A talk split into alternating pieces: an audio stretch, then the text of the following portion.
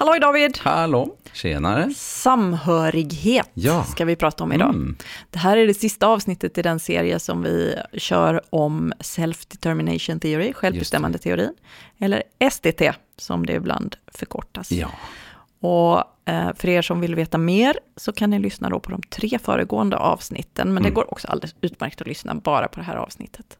Vi ska idag prata om det grundläggande psykologiska behovet, samhörighet. just det. Och eh, vi kan också säga att det eh, program som hette, handlar om autonomi, eh, där har ju du beskrivit ännu lite mer om just eh, självbestämmande teorin. Ja, Ifall man skulle vilja ha det. lite kontext, ja, Ja. precis. Mm. Så samhörighet, David, då, vad, vad Ja. handlar det om?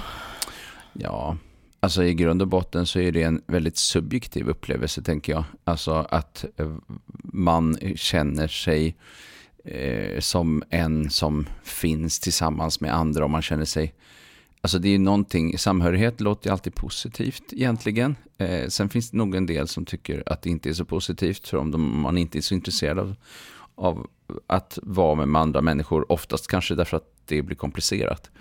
Eh, som vi kan se ja, hos en del personer med autism och även andra som gärna är, är för sig själva för att det blir komplicerat men som ändå kanske gillar att vara med andra om det inte blir för komplicerat. Precis, så skulle man kunna exakt. säga. Det Så kan vara inte- något som ställer till det, men i, till det. i grund och botten så är det ju ändå så att alla har det Alla vill behovet. ha en samhörighetsbehov. va? Mm. Precis, men Och- det tar sig väldigt olika uttryck. tar sig olika uttryck för att det beror på hur mycket krav det finns i systemet.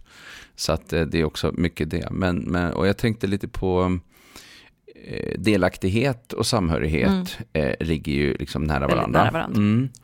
Och delaktighetsbegreppet är ju ett begrepp som, eh, som är helt centralt i den modell som, eh, som ICF har tagit fram. Alltså det är ju Världshälsoorganisationens eh, system som handlar om det som kallas International Classification of Functioning. Alltså att man klassificerar funktionsförmåga, alltså möjlighet till delaktighet är ju viktigt överhuvudtaget när vi tänker på personer som, eller alla människor, men också eh, om vi tänker oss att vi förlorar vissa typer av funktioner eller tappar vissa funktioner eller inte har utvecklat vissa funktioner. Då, eh, då måste vi eh, fundera på, kan det påverka samhörighetsfrågan eller delaktighetsfrågan? Och att vara medskapare av sin egen vardag och så, så eh, samhörighet.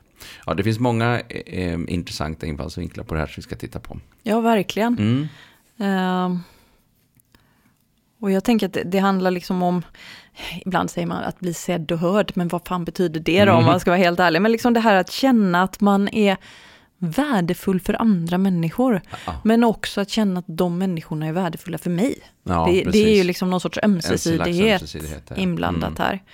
Och jag tänker att när barn är, är riktigt små, då är det ju i relation till de primära anknytningspersonerna, Ja. oftast en mamma och en pappa, Just. men inte alltid, Nej. som det här behovet blir tillgodosett. Mm. Förhoppningsvis. Mm. Eh, och sen i takt med att barnen växer och kommer ut på fler och fler arenor så kan ju också det behovet bli tillgodosett på fler ställen. Man kommer börja förskolan, får kanske en liksom anknytningspedagog, börjar skolan, sen blir det fotbollslaget, scouterna, gänget som man hänger med. Eh, så i takt med att barnen blir äldre så kan de också hämta den här känslan av samhörighet på fler ställen. Och det typiska för tonåringar är ju att eh, Mhm. det är ju eh, kompisarna som i första hand är samhörighets... eh, Exakt. Liksom, arenan. Ja. Eh, sen ser ju det där lite olika ut beroende på ja, en massa olika variabler, men, men så är det ju. I Mm. princip är det så. Och det är ju lite sorgligt kanske för oss föräldrar och samtidigt är det ju precis som det ska vara. Ja, vi är Ja. också glada att eh, vi vill... Eh, och jag, jag tänker, när det gäller just den biten, det här med utdifferentiering, så, så det är precis det det ska vara. För att eh, alternativet hade ju varit fruktansvärt. Ja. Eh, att man helt enkelt stannar kvar i sin familj, att det var högsta målet. Det, är ju, Exakt. det skulle ju vara en katastrof för människosläktet. Så att vi ska vara väldigt Ja, glada för precis. den biten. Men den är jobbig. Ja, Ja, det är utvecklande, helt Mm. klart. Därför att vi, eh, eh, eller så här, som förälder så har man byggt en stark samhörighet med sina barn, förhoppningsvis, Mm. om man nu har lyckats, eh, lyckats. Men om man nu har gjort det eller, eller, eller fått till det, det beror ju också på vad man har för barn, Mm. hur, man, hur, hur det ser ut och, och familje, familjebilden och alltihopa. Men, men eh, eh, så, att, eh, eh, som, så att föräldrar vill ju ofta ha en väldigt stark samhörighet med sina barn. Men, men barnen rör sig i riktning mot nya Ja. Och så småningom bildar de ju kanske också själva familj eller, eller flyttar iväg eller bor samman med andra och så vidare. Så att, eh, och då, då, är, då är det inte längre en själv liksom som är i fokus. Nej. Jag har en 17-åring och en 19-åring, det lurar bakom hörnet. Ja, det och det. det gläder mig och det är ju också lite smärtsamt. Så är ja, det ju. så är det. Jag har ja. en hemma och en som inte är hemma. Så att, ja, det, det, Mm. Så är det. Mm. Vi är precis där i samma åldersspann med våra barn. Så. Det är vi. ja, men samhörighet. Jag tänker på det du sa också, att eh, man kommer till förskolan, man kommer sen till skolan. Alltså i de här verksamheterna så, så är det ju också samhörighet som, som byggs. Och eh, jag tänker att samhörighet inte enbart handlar om hela systemet. Liksom att nu känner jag samhörighet hela den här dagen, känner jag samhörighet i det system som jag är i. Det är ju fantastiskt när det är så. Men i grund och botten så är det en himla massa olika stunder som man kan dela in sin dag i. Och då kan man ju fundera på, känner man samhörighet i alla de här olika stunderna eller inte? Och eh, ibland så är det ju inte så, utan att eh, samhörigheten är spridd. Ibland så känns det som att det känns bra, man känner sig delaktig, man hör ihop med andra, det känns som och samhörighet finns med. Men ibland och i vissa stunder då så känns det inte alls så. Man känner sig utanför, man känner sig inte medräknad och så vidare. Nej. Så det måste inte alltid vara den här känslan, globala känslan av antingen eller, utan, utan att det varierar jättemycket mm. i olika situationer och olika stark grad också. Exakt, och jag mm. tänker att det är en en subjektiv känsla mm. till syvende och sist. Ja. Det, det, funkar liksom inte att en lärare, jag, jag, tänker på de här som säger, men jag ser ju att han har roligt, han trivs mm. här och han passar in. Men om barnet säger att han inte trivs och inte känner samhörighet, nej men det spelar liksom inte så jättestor roll hur det ser ut på utsidan, utan det är ändå upplevelsen mm. hos den enskilda individen som, som är avgörande. Precis, och en del, eh, när det gäller vissa, person, vissa barn, men också vissa personer, så är det en ganska stor samstämmighet mellan det som syns utåt och det som, som man, liksom, känslan som finns i, i någon. Medan för andra så är det ju inte så. Nej. Eh, och vi kan ju inte alltid veta vi behöver ibland fråga och vi behöver ibland fråga på ett sånt sätt som gör att vi faktiskt får ett riktigt svar och inte bara ett eh, liksom, påklistrat. Socialt önskvärda Nej, svaret. Precis, Nej, ja. precis, för barn är ju rätt bra på att samarbeta med oss också, ja, vuxna också, så om de vet vilket som är det önskade svaret mm. så kan de ge det bara för att inte sticka ut. Nej, mm, inte ställa till problem. Mm. Mm. mm. Och här tänker jag, det ett ord som kommer upp i mitt huvud nu är ju inkludering. Ja, som man verkligen. pratar så mycket om i skolan. Att, mm. liksom, att barn med, med särskilda behov ska få gå i en stor klass för att de också har rätt till liksom, inkludering och samhörighet, mm. tänker man. Mm. Uh, och min upplevelse är att det kanske ser så ut, men man känner ju sig inte inkluderad eller som en del av gemenskapen bara för att man råkar befinna sig i samma rum som någon. Nej, jag tänker i samband med att skollagen eh, kom 2010 och läroplan 2011 så, så blev det väldigt mycket fokus på det. Man började prata om specialpedagogik i klassrummet och man började prata mer om inkludering och det var eh, och sen efter några år så började man problematisera en del av det där för man såg att ja, men det var inte så lätt bara att alla skulle vara i samma klassrum liksom. Mm. För vi har ju Eh, Eh, vissa elever som, där det helt enkelt är för svårt att ingå i ett stort sammanhang. Eh, det som man kan säga att den här lagen och tolkningen av den i läroplanen egentligen tydliggjorde, eh, det var väl då att man ville, liksom, vad ska man säga, driva inkluderingstanken hårdare så att, så att man skulle få en, en större en, en lägre procentandel som var i särlösningar helt enkelt. Ja. Eh, och det som vi ser nu efter en tid har gått, nu är det ju eh, typ 11 år sedan till och med, eh, så är det ju så att man ser att det för många elever är alldeles, alldeles för svårt. Ja. Eh, och eh, att vi ser att fler och fler av de grupper som lades ner nu börjar poppa upp igen. Exakt. Eh, så, så att, eh, ja, pendeln är på väg tillbaka åt ja, andra hållet. Och, och ja. samtidigt så ser vi att de absolut flesta, om vi tar till exempel eh, gruppen personer med neuropsykiatriska funktionsnedsättningar, som ju är en ganska stor grupp, så är ju de allra, allra flesta faktiskt med i vanliga stora sammanhang. Mm. Eh, när vi liksom pratar om att det är någonstans kanske 5-10% som har riktigt stora liksom, som har det tufft på olika sätt eh, i skolan. Inte alla med diagnoser och så, men, men någonstans där eh, 10 eh, behöver vi liksom ha extra, extra, särskilt mycket fokus på någonstans där kanske. Ja. Um, och um, det är ju väldigt många, men de flesta av dem är ju faktiskt i vanliga klassrum. Mm. Uh, och för en del av dem är det inte, uh, alltså det, det, är för många situationer som blir dåliga. Mm. Och sen har vi också en ganska stor andel som man har upptäckt att det funkar inte i det stora sammanhanget. Så att man tar ut dem och så plötsligt så, så har man liksom ett, helt gäng i hela Sverige som sitter själva med ja. en elevassistent i ett rum någonstans. Mm. Och där kan man ju verkligen eh, fundera över hur ska man driva fram en bättre samhörighet i det sammanhanget. Mm. Det, det, är väldigt svårt helt enkelt. Mm. Eh, och då kan man ju, eh, och då kommer den här frågan om typ mindre undervisningsgrupper till exempel och så tillbaka. Och, eh, för det blir inte värdigt att sitta själv liksom, i, i flera år Nej. i en skrubb liksom, med, med någon vuxen. Som... Och det är ju så sorgligt, det låter ju mm. nästan som ett skämt när du säger det, sitta mm. ensam en skrubb, i en skrubb Men vi vet med en ju vuxen. att det där är inte jätteovanligt. nej, Mm. Det är ju så för många det är barn. Ganska, det är ganska många i Sverige. Ja. Jag, jag, kan tänka mig att det är flera tusen som har det ja. så i Sverige. Och när man då känner till självbestämmande teorin mm och vikten av att få alla sina tre grundläggande psykologiska behov tillgodosedda, varav ett är samhörighet, så förstår man att det där är verkligen, verkligen inte bra. Nej. Nej. Det är dåligt för barnets hälsa och psykiska utveckling och det är också dåligt när det gäller eh, förutsättningarna för att skapa en sund motivation för barnet när det gäller att utvecklas. Mm.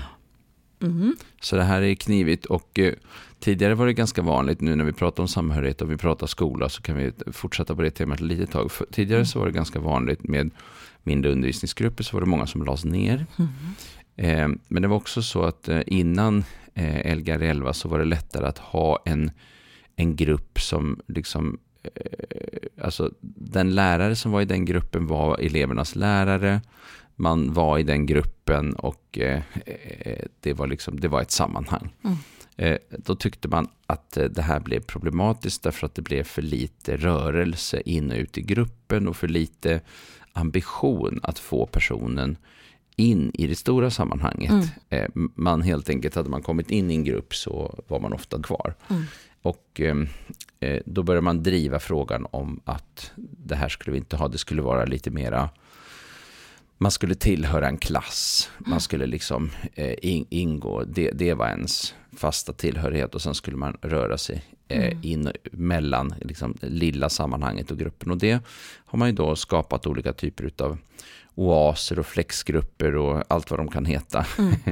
eh, eh, de här grupperna som, som man är ett, ett mindre sammanhang men eh, där läraren eller lärarna som finns på plats eh, inte är elevernas huvudlärare utan att de har en koppling till sin vanliga klass. Exakt. Det som eh, är utmaningen där är att det är väldigt svårt att skapa en grupp därför att det är sån här jojo-konstruktion där man åker in och ut och in och ut mellan ja. det där systemet. Och att vissa är där ibland och andra ibland. Och för en del elever är det där jätteproblematiskt. Eh, för att de klarar inte av att de inte vet vad som ska hända, vem ska vara med i gruppen idag. Mm. Man har inget sammanhang, man jobbar inte med gruppen som grupp utan, eh, utan man jobbar med individerna. Mm, det blir lite snarare. Robinson. Ut, utröstat ja. Nej. Nej, jag tänker Nej. på att gruppkonstellationerna hela tiden ändras. Hela tiden ja. ändras, ja. Mm. Så att det är väldigt svårt att navigera i det här nya landskapet. För det är en jättesvår eh, fråga. Mm. Och samhörighetsfrågan är ju väldigt viktig fråga här. Så att den är ju och det finns ingen enkel lösning på det här faktiskt. Det gör inte det. Och, och, dessutom så är ju också alla individer olika. Så att det som blir bra för en kanske inte alls mm. blir bra för någon annan. Mm.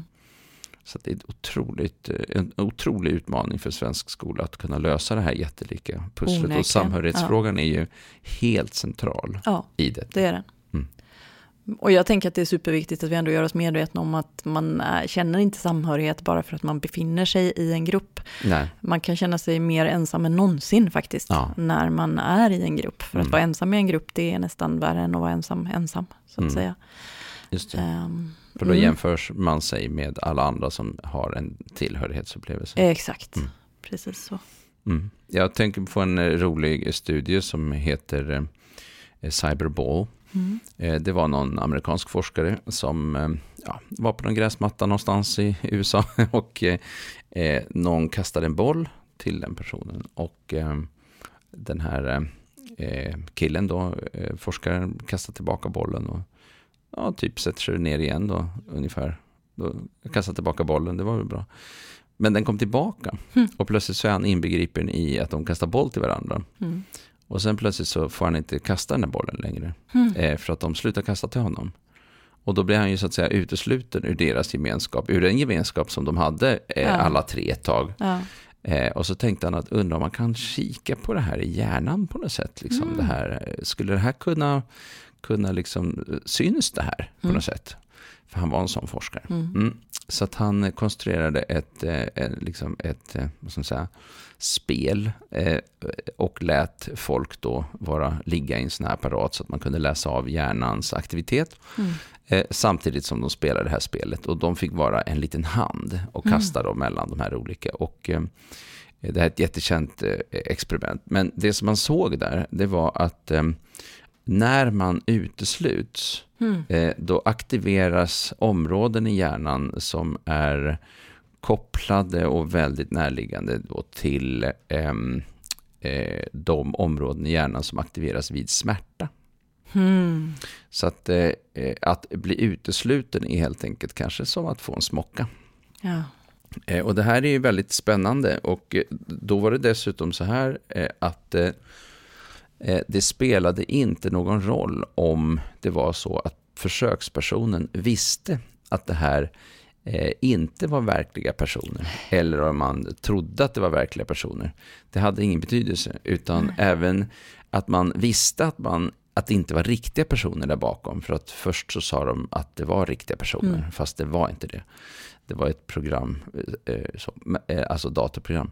Em, eh, Men att det, eh, så att vi är så, vi är så betingade, eller vad man ska säga, på den här eh, liksom, upplevelsen utav samhörighet. Och jag tänker att det här är en ganska bra illustration också, att eh, det måste ske en jädra massa saker där uppe i huvudet när man har en uteslutning eh, och eh, inte känner samhörighet. Mm. Eh, och, eh, inte, och, och blir exkluderad. Att, och det här är en extremt viktig variabel, tänker jag. Mm. Också när vi tänker liksom på, eh, på då, vad, är det för aktiv, vad är det som aktiveras i vår hjärna. Verkligen. Mm. Mm. Så den är ju lite spännande också att koppla till just samhörighetsbegreppet. Verkligen. Att veta att det gör ont på riktigt. Att Ja, men- inte känna Och delaktighet. det är ju inte så att det kommer som en så här, oj, kan det vara så? Nej. Eh, men samtidigt är det lite intressant att man också har sett det. Mm. Liksom, att det finns den här närheten. Mm. Mm. Verkligen. Så det är ja, lite läskigt också i någon bemärkelse. Och alla människor blir ju uteslutna någon gång i sitt liv, eller Mm. ett antal gånger Mm. har ju alla varit involverade i upplevelsen utav att här hör jag inte hemma i det här systemet. Eller, Exakt. eller jag, och, och en vanlig lösning på det kan ju bli att säga, men jag passar inte ihop med dem. Nej. Jag vill Eh, ändå inte vara med dem. Jag vill ändå inte vara med Nej, Nej. precis. Så att det, det, då, det, det har en lösning på det. Exakt. Och när jag pratar om ehm, behovet av samhörighet på Mm. mina föreläsningar så pratar jag om vad som händer när man inte får det behovet tillgodosett på konstruktiva sätt. Då kan det ju vara precis som du sa att "Nej, jag vill ändå inte. Att man Ja. liksom rationaliserar. Mm. Eh, Det kan ju också vara att man blir väldigt undvikande i bemärkelsen, men jag drar mig undan för det är synd om dem om de ska behöva vara med mig. Liksom. Ehm, och sen så tycker jag mig se någonting annat i de familjer som jag jobbar med. Jag tycker mig se att barn som inte upplever samhörighet ibland siktar in sig på det som inom STT brukar kallas för behovssubstitut. Och i det här fallet så tycker jag mig se att det handlar om uppmärksamhet. Mm. Som att om jag inte får höra till i den här gruppen så ska jag åtminstone se till att de lägger märke till mig. Mm. Som att, att bli uppmärksammad är bättre än att inte bli uppmärksammad Även om den är alls. negativ. Även om den är negativ. Och i tidigare avsnitt så har jag pratat om att det är som att barnet har en flaska inombords. Mm. Eh, en flaska som det står autonomi på då och sen en som det står kompetens och nu pratar vi om den flaskan som Just det står det. samhörighet på. Och då är det ju som att om flaskan med samhörighet inte blir påfylld och man söker uppmärksamhet, men då är det liksom en annan flaska som blir påfylld, just den som det står uppmärksamhet på. Mm. Och den flaskan kan vara, jag, ibland så jämför jag den med, med alkohol. Som att om jag är törstig så är det ju kanske bättre att hälla i sig alkohol än att inte få någon vätska alls. Men på sikt så har det ganska dåliga Ja. effekter. Men just i stunden så funkar det. Det släcker törsten och jag mår till och med ganska bra när jag får alkohol slash uppmärksamhet. Mm. Men på sikt så har Mm. det konsekvenser Nej, som det, inte är precis. så Där bra för min parallell. utveckling och hälsa. Liksom. Nej, Eh, Så därför så tänker jag när vi möter de här barnen som liksom vi märker pockar på uppmärksamhet Mm. och som jag har märkt att en vanlig så här vuxenreaktion på det när vi upplever att barnen pockar på uppmärksamhet det är att vi blir irriterade. Mm. Men fan vad hon håller på liksom. Mm. Eh, den där känslan, jag brukar kunna förse- försätta föräldrar i det när jag pratar om men tänk dig att ditt barn tänder och släcker lampan fast du har Mm, mm. bett barnet att sluta. Då blir man jäkligt irriterad. Men Ja. sluta nu! Och liksom när man känner den känslan i relation till ett barn, så är det, inte alltid naturligtvis, men ibland en signal om att här är det ett barn som egentligen längtar efter att uppleva gemenskap och samhörighet. Ja. Men som inte riktigt hittar en strategi för Nej. det och då istället pockar på Mm. uppmärksamhet. Mm. Ehm, jag tänker på, har du stött på det här citatet av Hjalmar Söderberg? Mm. Att man vill bli Ja, älskad. Just det. brist på beundrad, det är brist på fruktad. Mm. Är brist på avskydd och föraktad. Man vill ge människorna någon slags känsla för själen ryser i tomrummet och vill kontakt Mm. till vilket pris som helst. Just det. Den är så bra. Den är bra och jag tycker att den illustrerar så tydligt, han sätter ord på det så Mm. väl det här att negativ kontakt kan vara bättre än ingen kontakt alls. Nej, precis. Och för att illustrera det här ibland, när jag föreläser så brukar jag berätta om när min man och jag bråkar. Det Mm. händer att vi har så här fruktlösa gräl faktiskt, Mm. som urartar i Ja. okvädningsord. Alltså han har ju inte gått någon kommunikationsutbildning då som jag har, så att det är ju inte Mm. så konstigt. Eh, Du lägger allt ansvar där. självklart. Mitt när vi står där och kastar skit på varandra, Mm. Då gör min man någonting som i min värld verkar ganska konstigt. I hans Mm. värld är det säkert rationellt, men i min värld är det rätt konstigt. Vet du, han går och lägger sig. Bra kommunikation. och somnar. Liksom bara stänger av. Och vet du vad som händer med min själ i det läget David? Den ryser i tomrummet Ja, och vill kontakt. Och faktum är att jag är beredd att betala ett litet pris för att få kontakt Ja. när jag går dit och ska prata. Ja, när han det ligger och bra? sover, du fattar vilken kvalitet det, bra, blir på det här samtalet. Mm. Så jag har ju fyllt 50 år nu. Ja, precis. Och jag tror att jag är hyggligt smart, jag har i alla fall ganska stor livserfarenhet vid det här laget. Min själ ryser i tomrum. Mm. Jag är beredd att i vissa lägen betala ett litet pris för att få kontakt. Mm. Och jag föreställer mig att det då inte är så konstigt att tänka sig att detsamma gäller för en treåring eller en sjuåring eller för den delen en det. 17-åring. Liksom. Ja, ja, det var Mm. ju, oh, vilken berättelse. Ja. Ja, det brukar vara en del kvinnor i publiken som skrattar när jag berättar det här. Få män. Mm. Jag vet inte om det här det. är ett typiskt manligt beteende. Går du också och lägger dig när du blir sur? Nej, Nej. det kan jag verkligen inte säga. Jag går och lägger mig och sover. Var det mitt i en dialog? Mm, mm. Så, Nej, men det jag tänker att vi vuxna behöver göra när vi ser det här, Mm. pockandet på uppmärksamhet eller när barnet drar sig undan och slutar söka samhörighet, det är att vi behöver ju, när det händer i familjen så behöver vi hjälpa barnet Mm. tillbaka till samhörighet. Vi behöver liksom erbjuda möjligheter att, att känna den här samhörigheten. Eh, och då har jag några grejer jag brukar tipsa föräldrar om som upplever att de hamnar här. Det första det är att, ett sånt här klassiskt tror jag, experttips från föräldrarådgivare. Mm. Avsätt tid tillsammans med ditt barn varje Ja. dag. Mm. Ja. För jag tänker, vad gör man på ett företag när det gnisslar i maskineriet? Mm. Ja, man brukar åka iväg på teambuilding och så Just leker det. man Fångarna på Mhm. fortet och sjunger karaoke och så har man chokladprovning Precis. eller vid finare tillställningar kan det till och med vara vinprovning. Va? Och tanken bakom det här det är ju att de vi har kul ihop med, de börjar vi gilla. Ja, just Och precis. de vi gillar, de väljer vi att samarbeta med. Mm. Mm.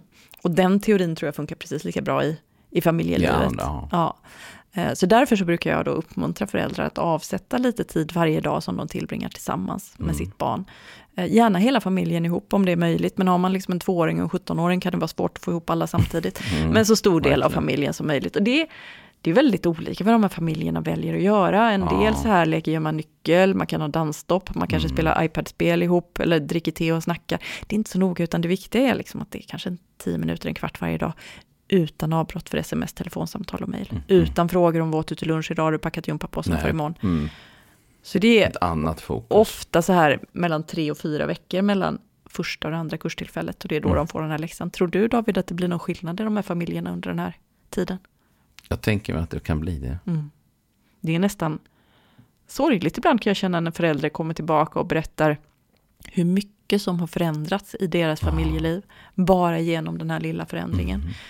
Uh, som att barnen inte behöver pocka på föräldrarnas uppmärksamhet, inte behöver liksom kladda med maten och bråka med sina syskon och så här mm. för att få den där uppmärksamheten, utan de kan vila i att den kommer varje dag. Det är liksom säker leverans. Jag kommer känna mm. samhörighet varje dag. Uh, och å ena sidan är det otroligt hoppfullt, och å andra sidan är det nästan smärtsamt sorgligt liksom, att tänka på att så lite tid kan göra så stor skillnad. Ja, precis. Mm. Mm.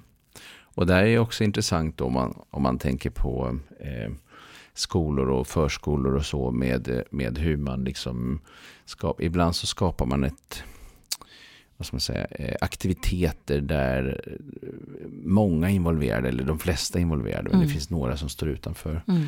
Och eh, Når man inte de här personerna som är utanför, de här barnen eller eleverna som är utanför, utan de ständigt befinner sig utanför så kommer de att landa längre och längre perifert ja. ifrån centrum så att säga. Exakt. Eh, vilket ju verkligen ställer till det. Så man måste ju jobba extra mycket med att skapa kontakt med mm. de här mm. eh, eleverna för att det ska hända mm. någonting. Precis. Så det här, det liksom finns i, i och, och, och, och, där kan ju just det här med att göra saker som, som just ger samhörighetsupplevelser vara helt centrala för att det ska hända någonting. I också, för det är ju så relationsskapande också. Ja. Att göra saker ihop som man uppskattar. Och där är det ju en del skolor som har börjat jobba med liksom mm. organiserade rast, rastaktiviteter. Mm. Vilket är nog väldigt, väldigt bra för, mm. för många elever och för gemenskapen i skolan. Mm. När man skapar aktiviteter som gör det möjligt för alla barn att vara med utifrån sina förutsättningar. Ja, och eh, de som jag har pratat med, de har gjort det frivilligt. De har liksom många olika aktiviteter finns mycket olika saker att göra. Mm. Men just den här känslan av att hamna utanför med jämna mellanrum. Att det blir viktigt att eh, de vuxna också har fokus på de här som liksom blir stående i något hörn och, mm. och se om de faktiskt inte har ändå lust att vara med. Mm. Eh, och att man kan och få att behöva hjälpa dem in. Att man kan liksom. hjälpa, med, ja. hjälpa till med. Mm. Jag har tänkt på en del skolor så har de en så här kompissol, mm. tror jag de kallar det. Har du hört okay, talas om nej, det? Nej, de ritar en plats på skolgården ja, där barn det. som känner sig ensamma får gå och ställa sig mm. i förhoppning då om att mm. man ska bli upplockad. Och jag tänker att det där är vuxnas väldigt konstruerade idé av hur, mm. hur saker och ting funkar. För vilket barn går frivilligt och ställer sig i den där solen och säger nu är ja, jag ensam. De, liksom. Det kanske de lyckas med, men inte för de som verkligen känner Nej. sig ensamma i livet. Nej, Där precis. tror jag det blir problematiskt då. Exakt. Eh, och sen oftast möjligen i så fall bara för de allra yngsta eller yngre barn. Ja. Men eh, tänka sig en sån lösning på högstadiet. ja, det är ju bara sorgligt att tänka inte. på. Ja. ja mm, eh, mm. Något annat som jag brukar tipsa mm. familjerna om det är att jobba ihop. Alltså, Just det, göra saker. Ja, precis. Ibland så tänker man att man liksom måste ha kul ihop med barnen ja. hela tiden, men det måste man, man ju inte, utan det viktiga är ju mötet, liksom, mm. känslan av gemenskap och kontakt. Och det är kanske inte alla barn som så spontant tackar ja till en inbjudan om att sortera tvätt. Mm. Men jag är rätt säker på att de flesta barn gillar att höra, jag ska gå till tvättstugan och ta hand om tvätten. Mm. Jag skulle gilla ditt sällskap så vi kan snacka lite samtidigt. Mm. Alltså pappa jo, vill ha mig med, det, mamma gillar mitt både sällskap. Både det och, eh, och eh, skulle inte du kunna hjälpa mig och så, eh, så. Vilket också kan vara, ja, det beror på vilken omständighet det är, men det kan vara väldigt eh, relationsskapande. Mm, att man hjälps åt med en sån liten grej. Ja, mm. precis. När det gäller det här med att liksom överhuvudtaget bjuda in barn till grejer så har jag lagt märke till att vuxna ofta framställer det som ett erbjudande till barnet. Jag kan läsa mm. en bok för dig nu om du vill. Ja, just det. Mm. Eh, men jag tror att barn uppskattar mycket mer att höra att liksom, jag vill läsa en bok med dig nu. Vill du? Ja. ja. Jag tror att den här kontakten, när vi berätta för bara våra barn att vi vill vara med dem, inte bara att jag kan offra mig och vara med dig nu om du vill. Jag tror att den landar så himla mycket skönare i den där tänkta samhörighetsflaskan. Liksom. Mm. Mm. En tredje grej som jag brukar tipsa om, det är att lägga märke till och försöka besvara åtminstone en del av barnens inbjudningar till samhörighet jakande. För att alla barn i princip någon gång söker ju samhörighet. Mhm. Och liksom, jag kan fläta ditt hår mamma, jag kan måla dina naglar, jag kan installera en brandvägg på din dator pappa. Alltså kanske passar inte oss att möta barnets längtan efter samhörighet där och då. Vi ska ju förstås ta våra egna behov på allvar också, men det är samtidigt värt att tänka på att om det blir allt för många nej, vänta sen, då kommer barnet att växla över till, Mm. till andra typer av strategier istället Särskilt om börja plocka på det är liksom irriterande nej och sen och inte nu. Och, Nej men precis, så Istället de att känner att, liksom- de är oönskade. ja, om man istället för säger det ja, inbjudande. Ja, Det precis. vill jag gärna, det gör vi så fort jag är klar med det här. Mm, mm. Ja. Så att göra sig uppmärksam på att barnet faktiskt ofta bjuder in Mm ja, och tacka ja till åtminstone en del av de tillfällena.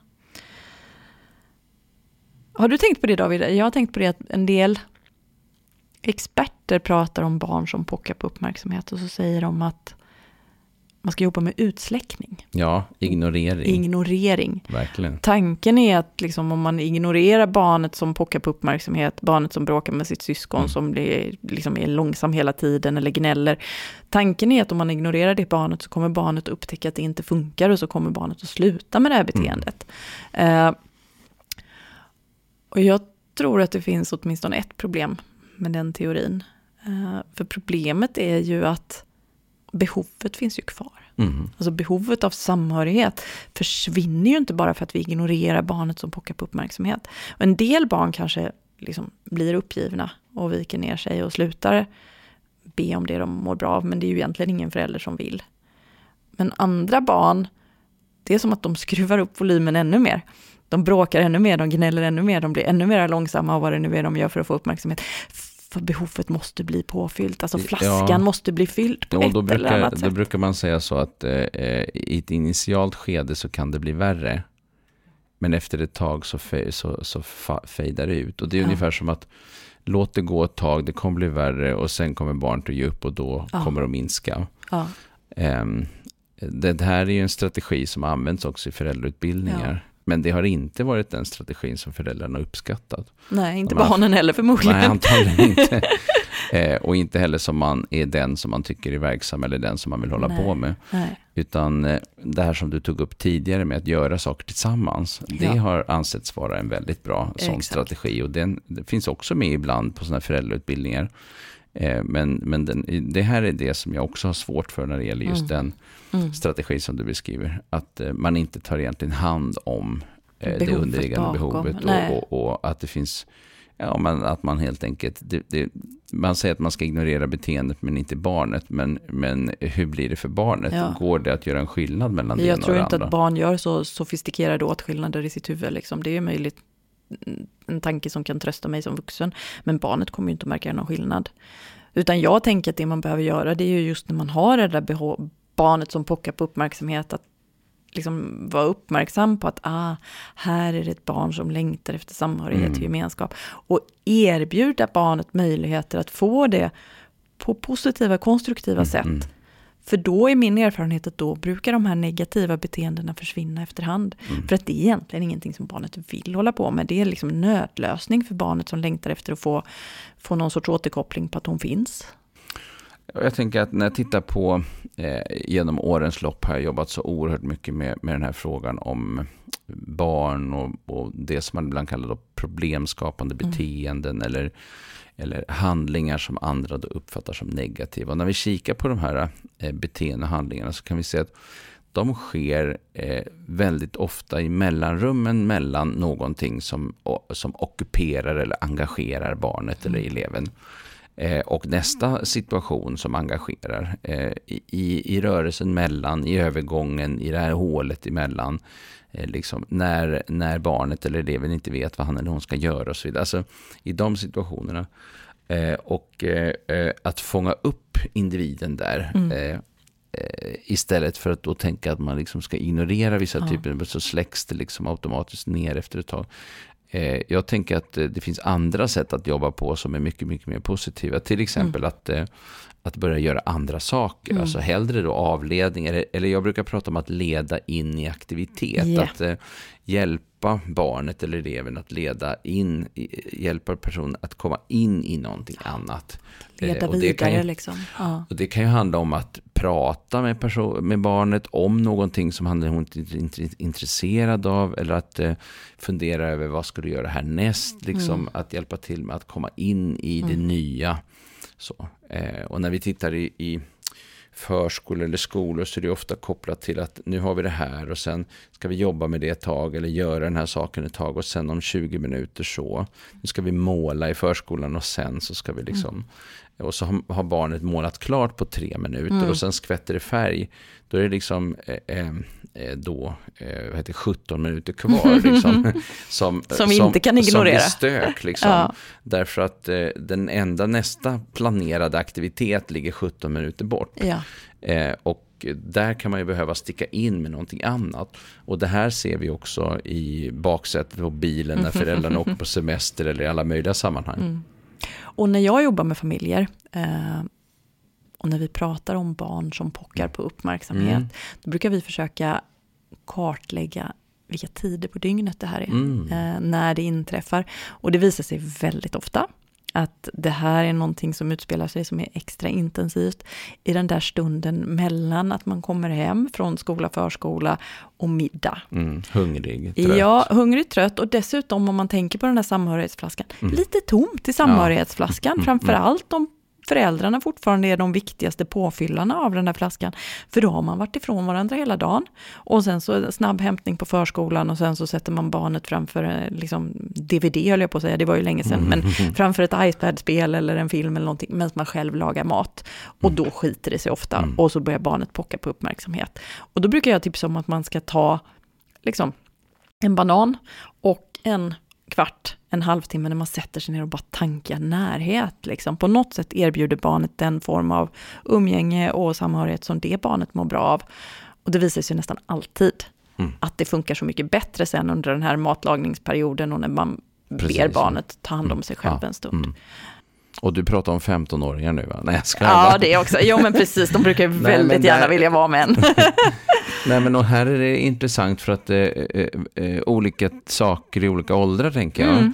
Och eh, man kan tycka då att eh, tonåringar, de liksom kör sitt eget race och de är ganska ointresserade av de vuxna eller föräldrar och, och, och, och sådär. Och de är ganska otillgängliga. Och så kan det ju vara. Men mm. det kan ju också vara så att att ehm, eh, på grund av att de ändå vet att man inte är så tillgänglig så, så rusar de snabbt in på sitt rum och vill ja. inte prata så mycket och sen eh, kommer Exakt. de ut lagom till middag möjligen om man har tur.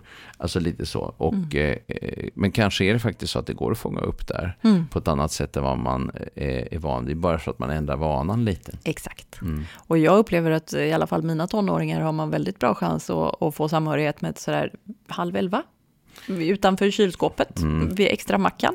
Och då ju... behöver man vara lite extra tillgänglig själv just det, då. Och det är det som är svårt för de som eh, börjar jättetidigt eller är jättetrötta på kvällen. Så är det ju. Mm. Mm. Så att det, det, är ju en, en, en där, går man, där finns det en risk för att man går omlott väldigt ja. mycket. Och det, där är underlättare att vara förälder och vara lite senare i vanorna. Ja, faktiskt. Så faktiskt, är det När det gäller Verkligen. just samhörighetsfrågan. Ja. För, för jag håller med om det. det är, det är många som jag har hört beskriva just den där mm. eh, saken också mm. med, med sena kvällar. Jag har också upplevt att eh, mina tonåringar är väldigt intresserade av skjuts. Mm. till olika ställen. Mm. Och det är ju också ett bra tillfälle till samhörighet. Har man möjlighet till det om ja, man har liksom, Om man har bil och förutsättningar precis, så är det så, så är en det. fin arena. Just mm. precis. Mm. Då kan man passa på lite för sen kommer de inte. Precis, det kan jag uppleva att när barnen var små då, då var det ju de som pockade på min uppmärksamhet. Mm. Sen när de blev större så växlade det och det var nästan jag som pockade på deras. Ska vi hitta på något? Nej mamma. Nej, precis. Så, Ja, så, så kan det mm. vara. Du David, ska ja, vi runda av för idag? Vi rundar av här det här ja. jättestora spännande området ja. samhörighet. Mm, tack för tack idag. för idag. Hej då.